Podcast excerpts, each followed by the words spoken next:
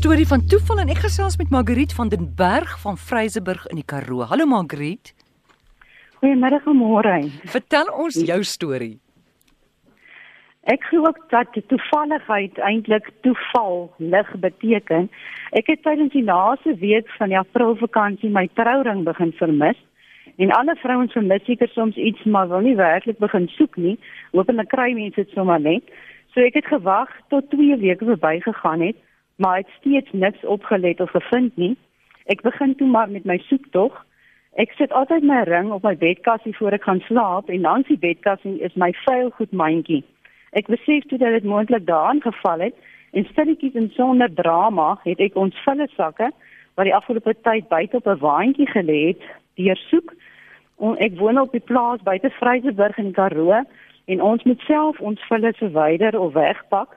Ek het niks gekry nie. Ek het selfs my stofsuier uitgeskit, maar oh. nog steeds niks niks gekry nie. En teen daardie tyd het Koet my man begin onraad merk Hy vra my toe waarvoor ek soek en moes toe maar daarmee uitkom dat dit my trouring is. Hy sê toe dat hy 2 weke gelede 'n paar sakke dorp toe gery het en dit by die vullishope gaan weggooi het. My moed was nou bietjie baie min en die volgende dag was 'n Vrydag en dit beteken dorpsdag vir ons hier op die platte land.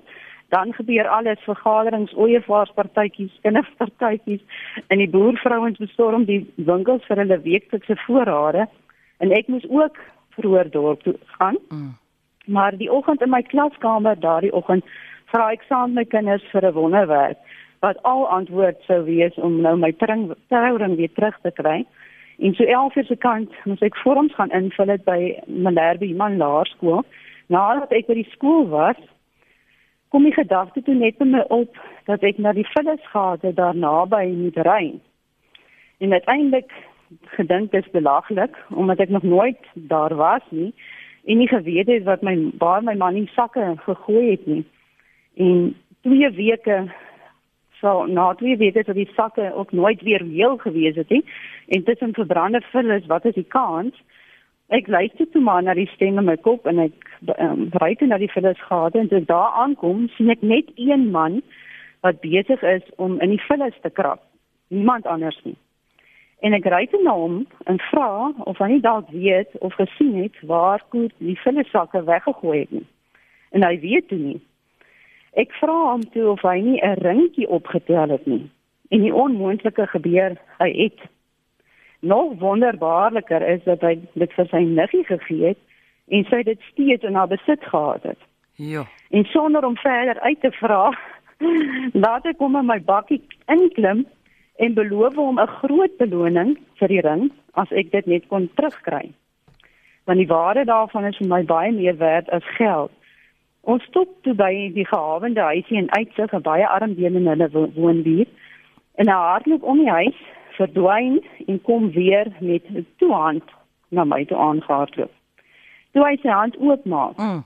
en vir my wys, lê my ongeskonde ringetjie daarin. Ja daar maar daarna neem ek hom toe dadelik bank toe trek sommer die helfte van die ring se oorspronklike waarde ja? en gee dit met blydskap in my hart aan hom en voor hy weg toe wegstap met die bolnote in sy gehawende broeksak sê ek te hom God seën my en hy seën jou ook vandag gaan koop vir jou kos en klere mm. en moenie vir ander wys dat jy geld het nie en steek die res weg Och, dis so in daardie tyd het daar baie lig geval op my en ja, baie seën.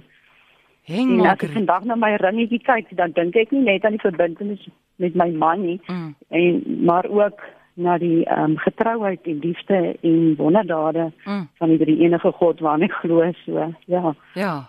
Toevallig geval. Die lig het geval, nee, hart en duidelik op ja. jou ring. Wat is die, ja, ja. wat wat is die man se naam wat jou ring gekry het op daai asgat? Weet jy, ek was so oorstel. Ja. Ek hy het my die naam gegee, maar ek het ek weet nou nog vandag nie, ek het nog gedink daaraan, maar ek kan dit nou nie beheer roep nie. Ja. Maar dit was my amper so 'n engel wat dit vir my gegee het. Absoluut. Ja. Kan jy dink hoe dit dalk sy lewe verander het in in jou klas ook? Vertel my van jou klas. Ek het uh, ek doen maar um, tuisonderrig hier by my op die plaas. Dit is maar my seuns. Ek het vier seuns, so ek het nou die twee jongstes nog by my, die ander van die hoërskool.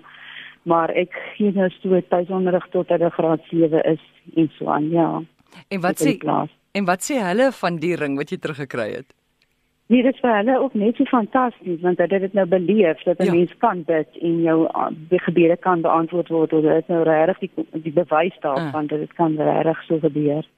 So dit is wonderlik. Dit is eintlik vir my fantasties dat ek dit gedoen het voor ek ja. dit, eh, dat hier dan gevind is. Ja. Hoorie maar ek meen wat is die kanse nê? Daar's hierdie ja, man by die as nee, dat hy jou ring opgetel het en dat dit nog ja. dat hy nog weet waar dit is. Ja, en dat my man daai spesifieke saak hier weggery het. Mm. Wat ons nie eintlik gewoonlik doen nie. Dat ek sou net maar net weer gekry het dat dit net daai paadjie moes loop. Mm. En die Here het my vir ons so gesien al met met die reën wat ons al gekry het en ek het self die die wat die vorms wat ek moes ingevul het was ehm um, vir 'n tydelike pos in hierdie droogte tyd wat eintlik ook brood nodig was vir ons mm. en daar dat ek al klaar gesien so nee dis net ongelooflik en dit is my so fantasties om hierdie storie te vertel dit is wonderlik dankie dat jy dit vir ons vertel het Margriet dankie ja maar baie dankie vir jou ook Groot plesier. Jy my toegelaat het. Kan vergeet. Geniet ja, jou ring. Dankie. Geniet jou ring en jou man baie en jou dankie. kinders. Ja, nee baie dankie. Goed. En sterkte vir julle ook.